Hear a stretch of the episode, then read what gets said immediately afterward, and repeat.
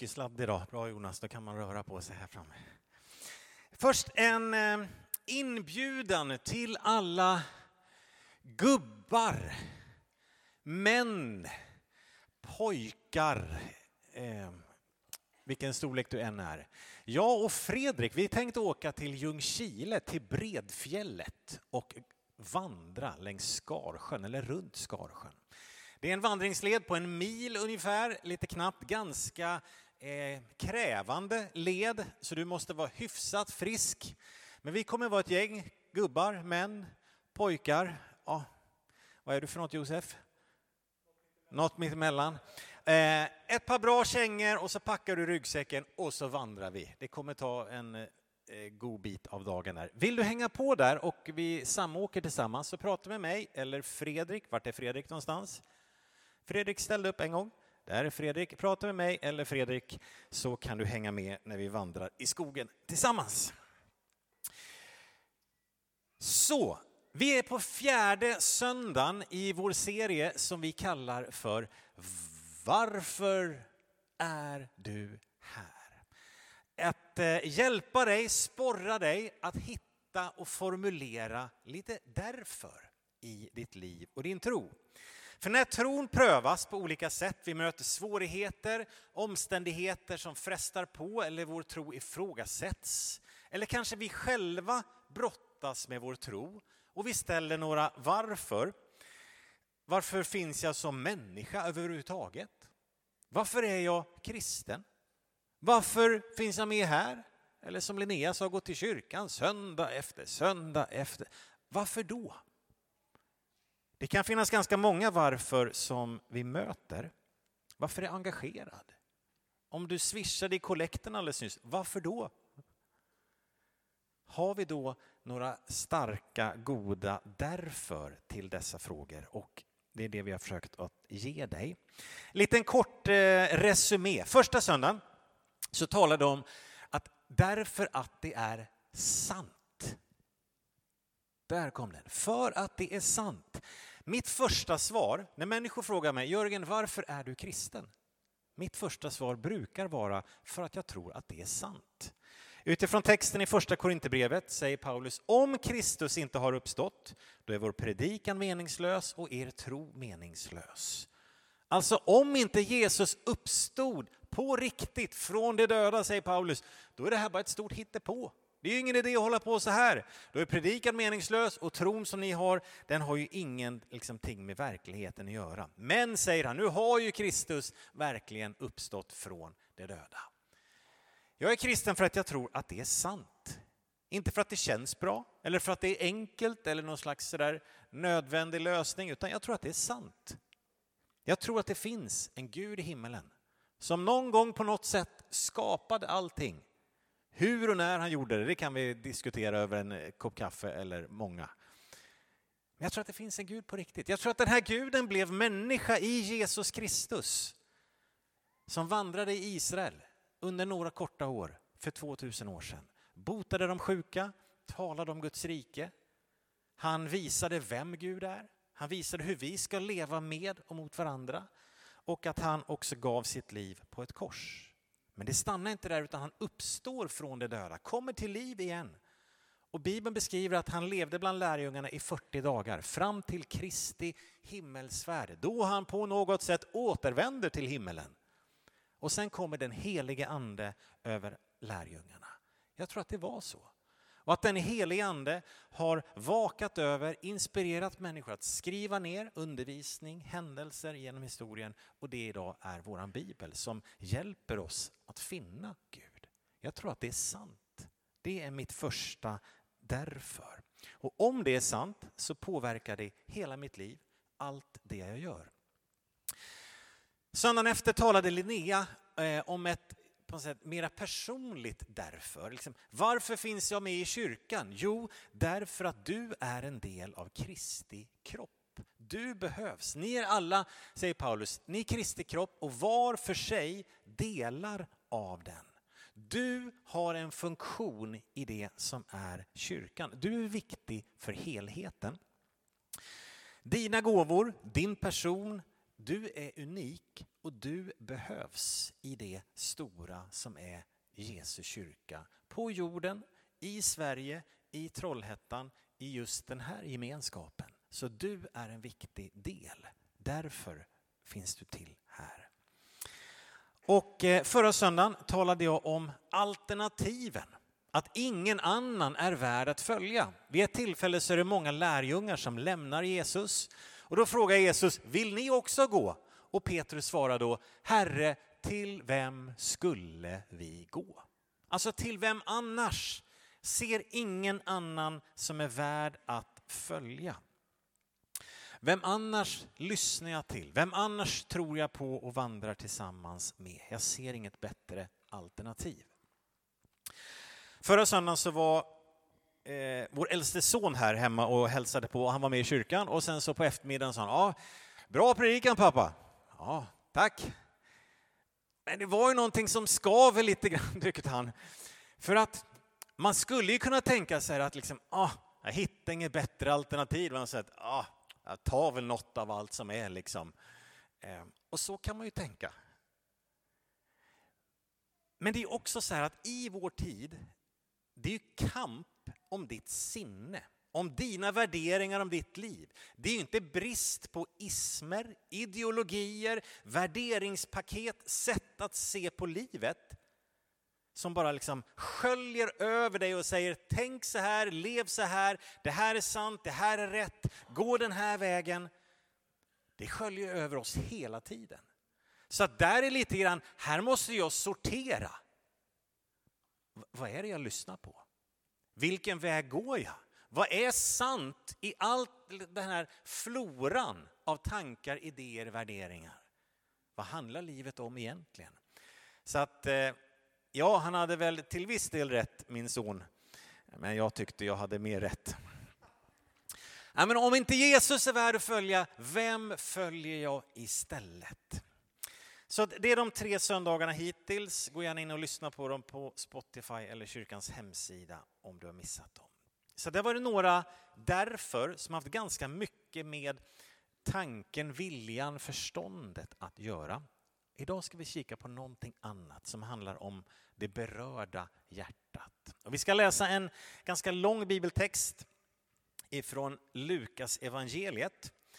Och eh, jag läser från Lukas kapitel 7, vers 36 till 40 först här.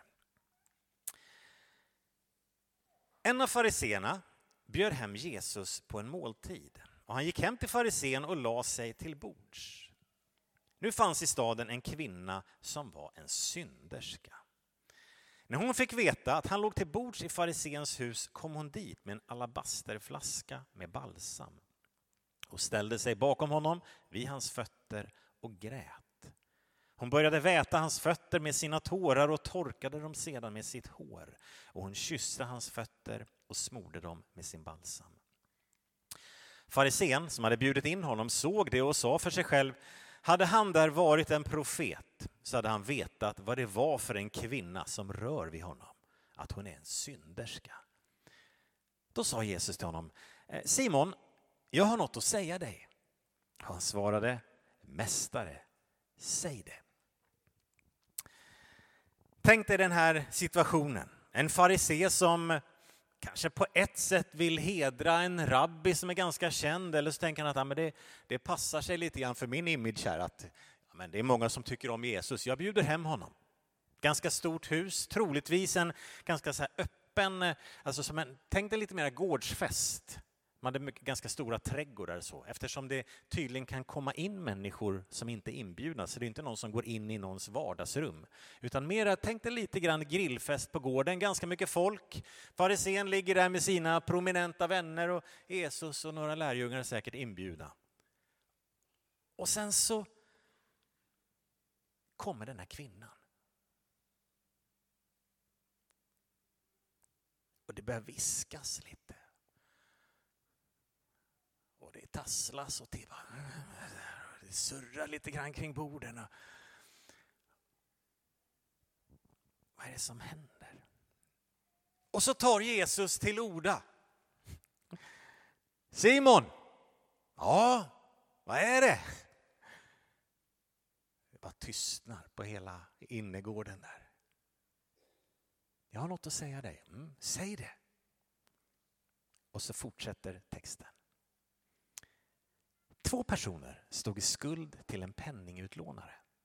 Den ena var skyldig 500 denarer, den andra 50. När de inte kunde betala efterskänkte han skulden för dem båda. Vem av dem kommer nu att älska honom mest? Simon svarade, ja men den som fick mest efterskänkt, antar jag. Jesus sa, du har rätt. Sen vände han sig mot kvinnan och sa till Simon, ser du den här kvinnan? När jag kom in i ditt hus gav du mig ingen vatten för mina fötter, men hon har vätt mina fötter med sina tårar och torkat dem med sitt hår. Du gav mig ingen hälsningskyss, men sedan jag kom in har hon inte slutat kyssa mina fötter. Du smorde inte mitt huvud med olja, men hon har smort mina fötter med balsam. Därför säger jag dig, hon har fått förlåtelse för sina många synder. Det är därför hon visar så stor kärlek. Men den som har fått lite förlåtet älskar lite. Det finns ju helt klart en udd emot farisén i Jesu text. Och det är lite spännande hur Jesus eh, riggar det här, kan man säga så, att farisén nästan får sätta dit sig själv. När han liksom, Simon, vem, vem tror du älskar mest? Ja, säger Simon, den som har fått mest förlåtet, antar jag. Så han, eh, han svarar ju nästan mot sig själv i det här. Men det finns ändå ett fokus på, på kvinnan, hennes agerande, hennes hjärta. Vi eh, vet ingenting mer om henne egentligen. Man kan ju fundera, har hon mött Jesus strax innan?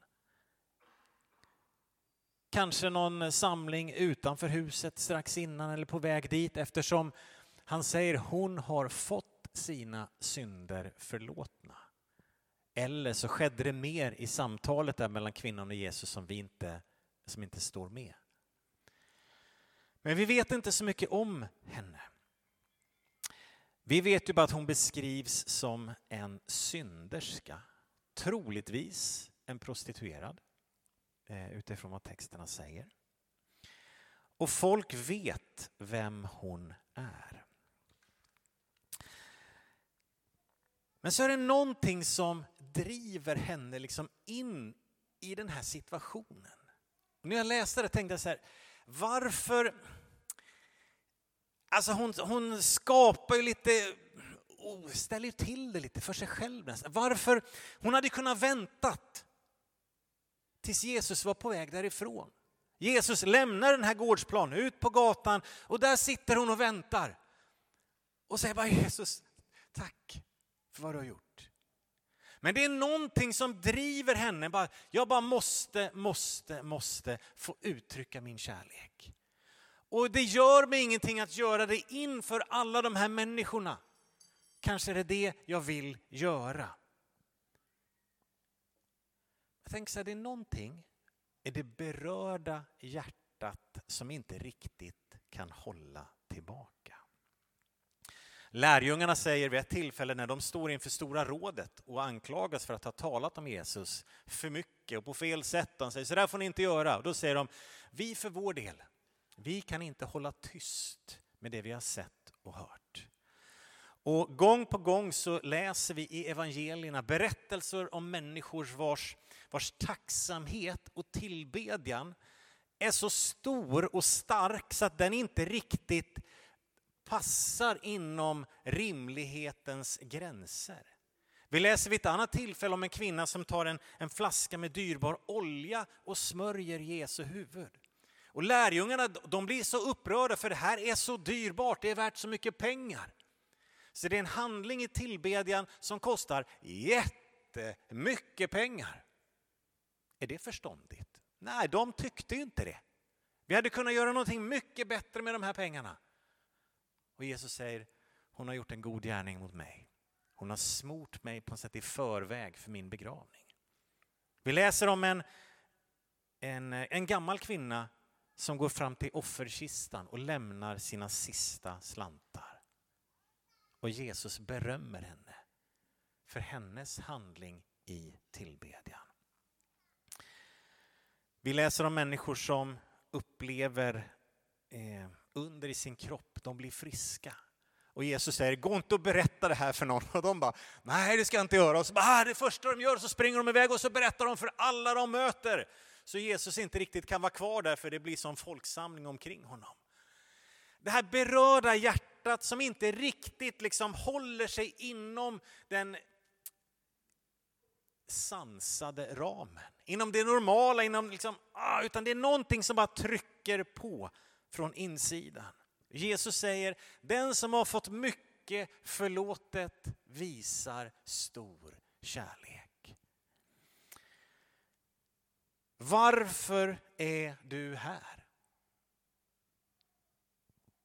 Varför följer du Jesus? Varför följer jag honom? Varför är jag med och ger av mig själv, min tid, min kraft, mina pengar? Varför? Ja, utifrån den här texten så skulle jag kunna säga liksom för mig själv, hur skulle jag kunna låta bli? Hur skulle jag inte kunna följa honom, tjäna honom? För det livet med Jesus betyder, det han har gjort i mitt liv, är så stort, så starkt och betyder så mycket. Rebecka sjöng den här sången innan. Förlåten. I texten läser vi om kvinnan och Jesus säger den som har fått mycket förlåtet. Varför är du här? Ja, förlåtelsen. Är det någon här som har blivit förlåten av Gud? Är det någon som har blivit förlåten mer än en gång? Är det någon som har blivit förlåten mer än hundra gånger? Gud har ju sånt enormt tålamod med dig så du undrar ju själv, hur, hur, hur är det möjligt? Hur är det möjligt? Förlåten, gång på gång på gång på gång, genom livet. Därför är det någon som har upplevt att Gud har gett kraft in i ditt liv? Är det någon som har upplevt Guds ledning i sitt liv? Är det någon som har upplevt Guds omsorg i det stora och i det lilla i sitt liv? Är det någon som har upplevt hur Gud ger frid in i situationer av oro när det inte riktigt stämmer? Jag borde känna sån oro och ängslan nu men istället är det frid här inne. Är det någon som har upplevt Guds närvaro någon gång eller hundra? När jag tänker på mitt liv känner jag så här, ah, men det sitter ihop, jag vet varför jag finns till. När jag vaknar på morgonen så undrar jag inte, ah, varför finns jag? Vad är det här? Utan det finns ett syfte. Jag vet var jag kommer ifrån, varför jag finns till och vart jag är på väg. Jag har ett hopp om morgondagen. Jag behöver inte gå runt och vara rädd för döden. För jag vet att om jag dör idag så vet jag vart jag är imorgon. Vad gör det med mitt liv? Allt det här. Jag vet att jag är älskad jämt. Det var någon som ville mig, någon som tänkte mig. Det Linnea talade om, om eh, för två veckor sedan, då, om liksom min plats. Det var någon som har gett mig gåvor. Det är någon som har gett dig gåvor som tänker att här ska vi peta in den här personen till glädje för dem och till andra. Varför följer jag Jesus? Hur skulle jag inte kunna följa honom? Hur skulle jag kunna låta bli? Han som har fångat mitt hjärta och gjort så mycket för mig. Den som har fått mycket förlåtet älskar mycket. Och jag tänker att en del i det här, tänker så här, det var väldigt, har Jörgen syndat så mycket i sitt liv? Vad har han gjort för något som vi inte känner till? Ja, det skulle du gärna vilja veta. Alltså, en del av det här är att vi, vi kan tro... Alltså, vi, vi behöver möta Guds helighet för att se vårt eget ganska mörka hjärta ibland. Jesaja en profet utvald av Gud. Han får en liksom skymt av det heliga, Gud på tronen. Och när han, när han liksom ser, möter det här, så säger inte han bara åh, det här var coolt, vilket ljussken, vilka märkliga änglar och Gud, det där är du va på tronen. Det är inte hans reaktion. Utan när han får se in i det himmelska, får se Gud på tronen, så står det att han faller ner. Och han säger, ve mig, jag förgås för jag har orena läppar. Han insåg att hans tal, det han sa, det var så långt ifrån Guds godhet och helhet. Han säger, jag går under, jag står inte ut. Och du tänker så här, jag har inte rånat någon, jag har inte slagit någon på käften, jag har inte varit otrogen, så att jag är nog ingen syndare. Hur ser det ut i ditt hjärta min vän? Hur går dina tankar? Hur ser du på dina medmänniskor? Har jag dömt ut människor i förtid mer än en gång? Ja, det har jag. Har jag sårat människor med mina ord? Ja, det har jag. Har jag talat illa om människor som inte har hört vad jag har sagt om dem? Ja, det har jag. Hur tänker, talar jag om våra politiker, våra makthavare? Hur själviskt är mitt hjärta? Eller överflödar det allt av generositet och givande och mildhet och godhet? Nej. Den som har fått mycket förlåtet älskar mycket. Därför finns det ett behov av att vi behöver möta Gud, se honom, så vi inser vår egen litenhet. Ja, men jag är inte så illa som han i alla fall. Robert, han är värre än mig. Liksom. Bara så här, bam! Och där råkar jag dit på det själv. När jag på något sätt höjer mig över en annan människa. Jesus berättar en, en bild av en, en farisé och en syndare i templet. Och farisén står där och säger tack Gud att jag inte är som Robert. För jag är ganska duktig. Jag är ganska fin människa. Och syndaren Robert, han står och säger Gud förbarma dig över mig. Och Jesus säger att det är faktiskt Robert som går hem, välsignad och rättfärdig.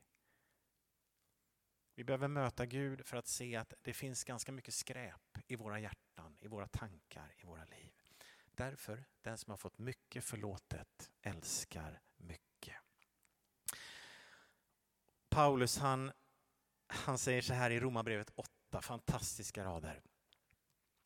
Ni har inte fått slaveriets ande så att ni på nytt måste leva i fruktan. Nej, ni har fått barnaskapets ande och i honom ropar vi Abba far.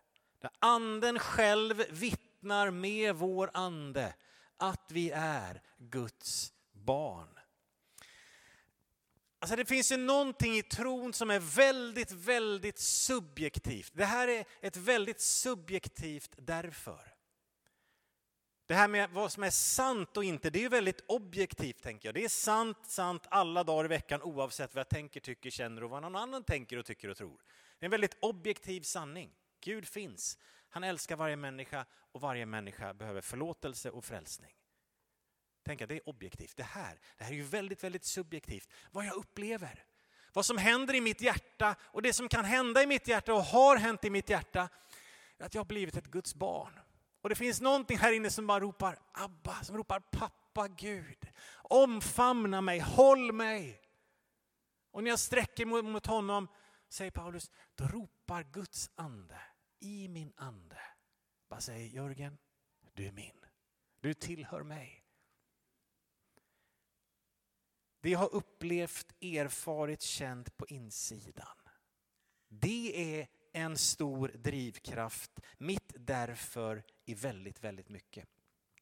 Och den är ganska svår att argumentera med för en annan människa. Alltså den drivkraften i mitt liv, jag har upplevt det här, jag känner det här, Gud har talat så här. Och någon säger så här, nej det där har du inte upplevt. Jo, det har jag upplevt.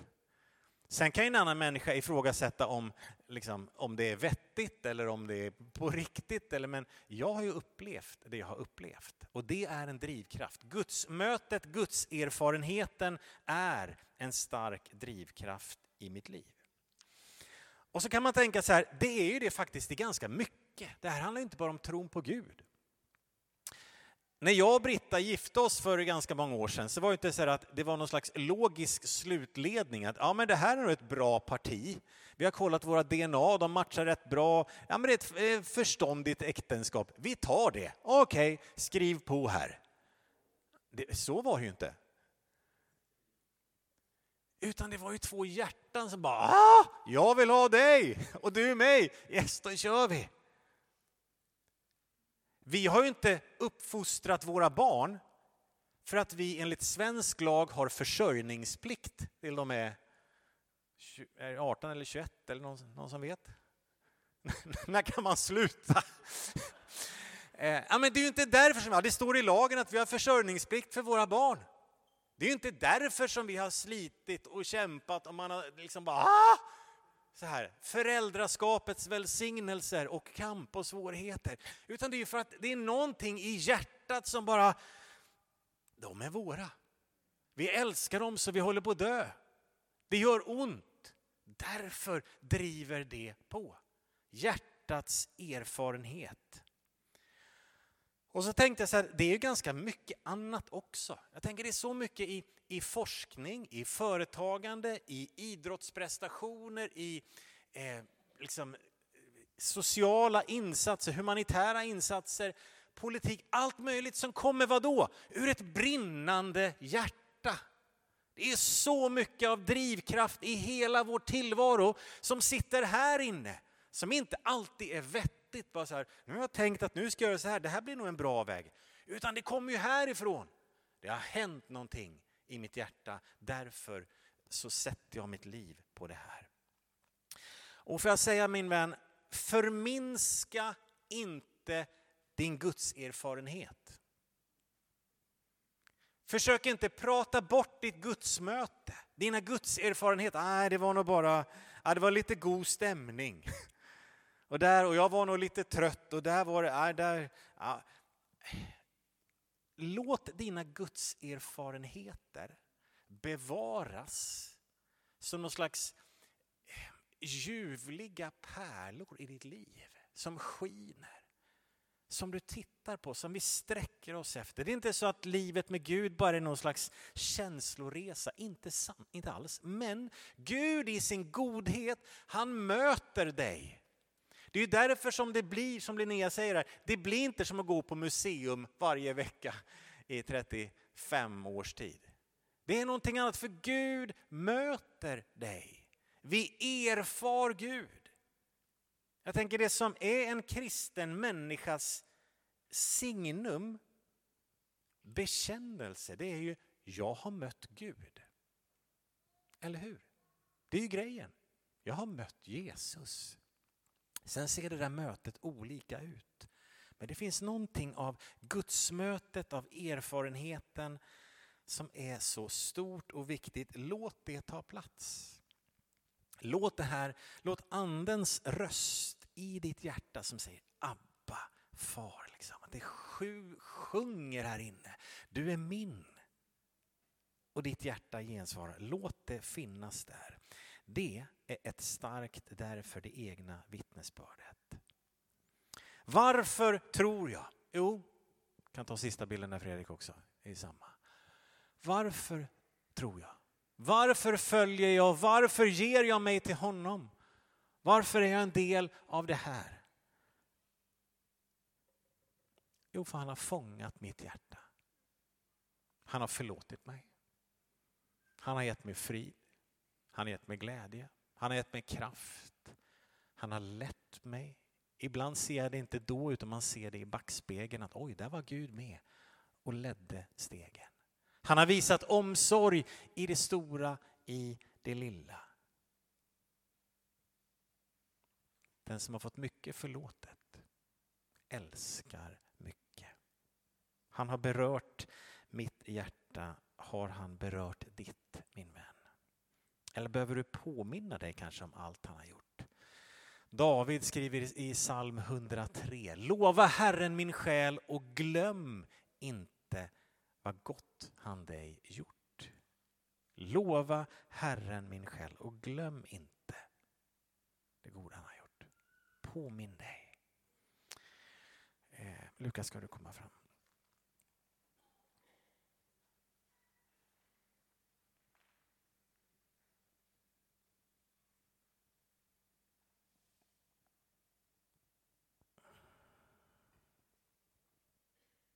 Han kommer inte sluta beröra dig.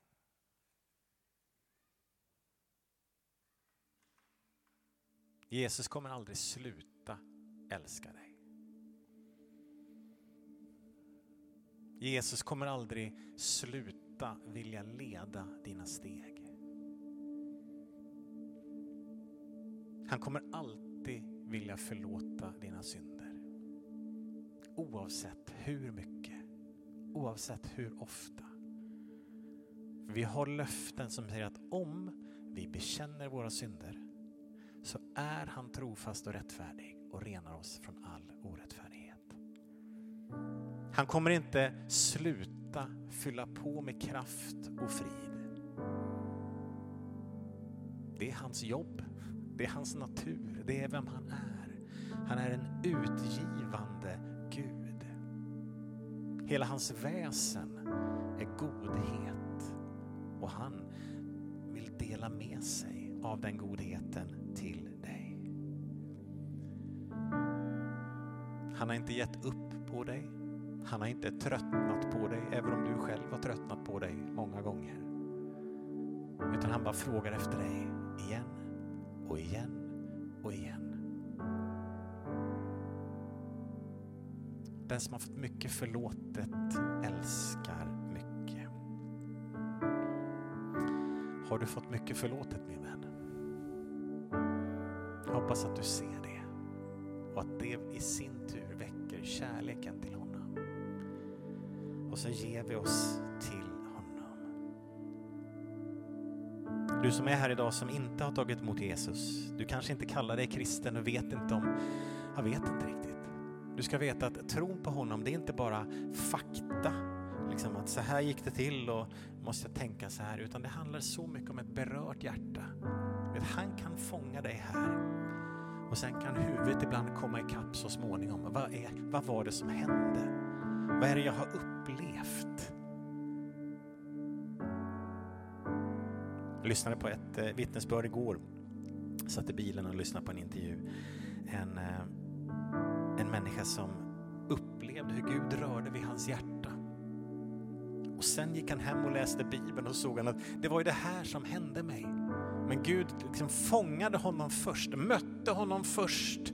Och sen fick han på något sätt orden och förklaringarna och språket för vad är det jag har varit med om. Det var ju det här som hände. Gud vill beröra ditt hjärta. Gud vill beröra ditt hjärta. Ska vi sluta våra ögon över hela lokalen? I respekt för varandra.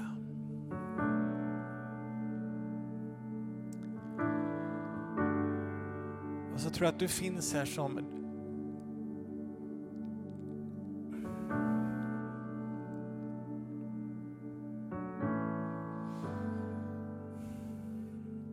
Du behöver få beröras. Där tron sitter så mycket i, ja det är en vana, det är så här du är uppvuxen, du har följt med, socialiserats in i tron och det är mycket som är gott men det är ganska oberört på insidan.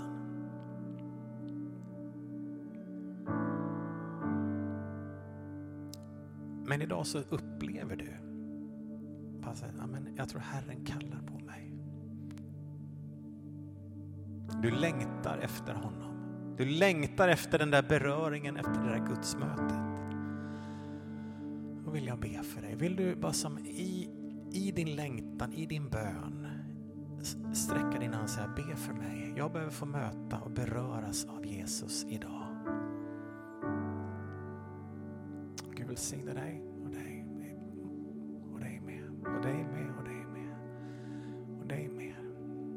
Med händer som sträcks över hela lokalen. Herre, nu tackar jag dig för den längtan som finns i det här rummet. Kom helige Ande. Herre, jag ber att du ska ropa lite extra högt i deras hjärtan. Att du helige Ande vittnar med vår ande att vi är dina barn. Herre, möt dessa vänner lite speciellt. Tala in i deras hjärtan. Låt dem få gå härifrån med bara vissheten vetskapen om att de är älskade. Du fångar dem Du leder dem, du fyller dem. I Jesu namn. I Jesu namn. Halleluja. Ska vi resa oss upp i hela lokalen? Ni som brukar tjäna som förebedjare, välkomna fram. För dig som är ny här ska jag säga, vi brukar alltid i slutet på våra gudstjänster vilja ge möjligheten till att någon ber en enkel bön för dig. Det kan vara utifrån vad predikan har liksom berört dig, det kan vara någonting helt annat. Du kanske kom hit med ett bönämne, ett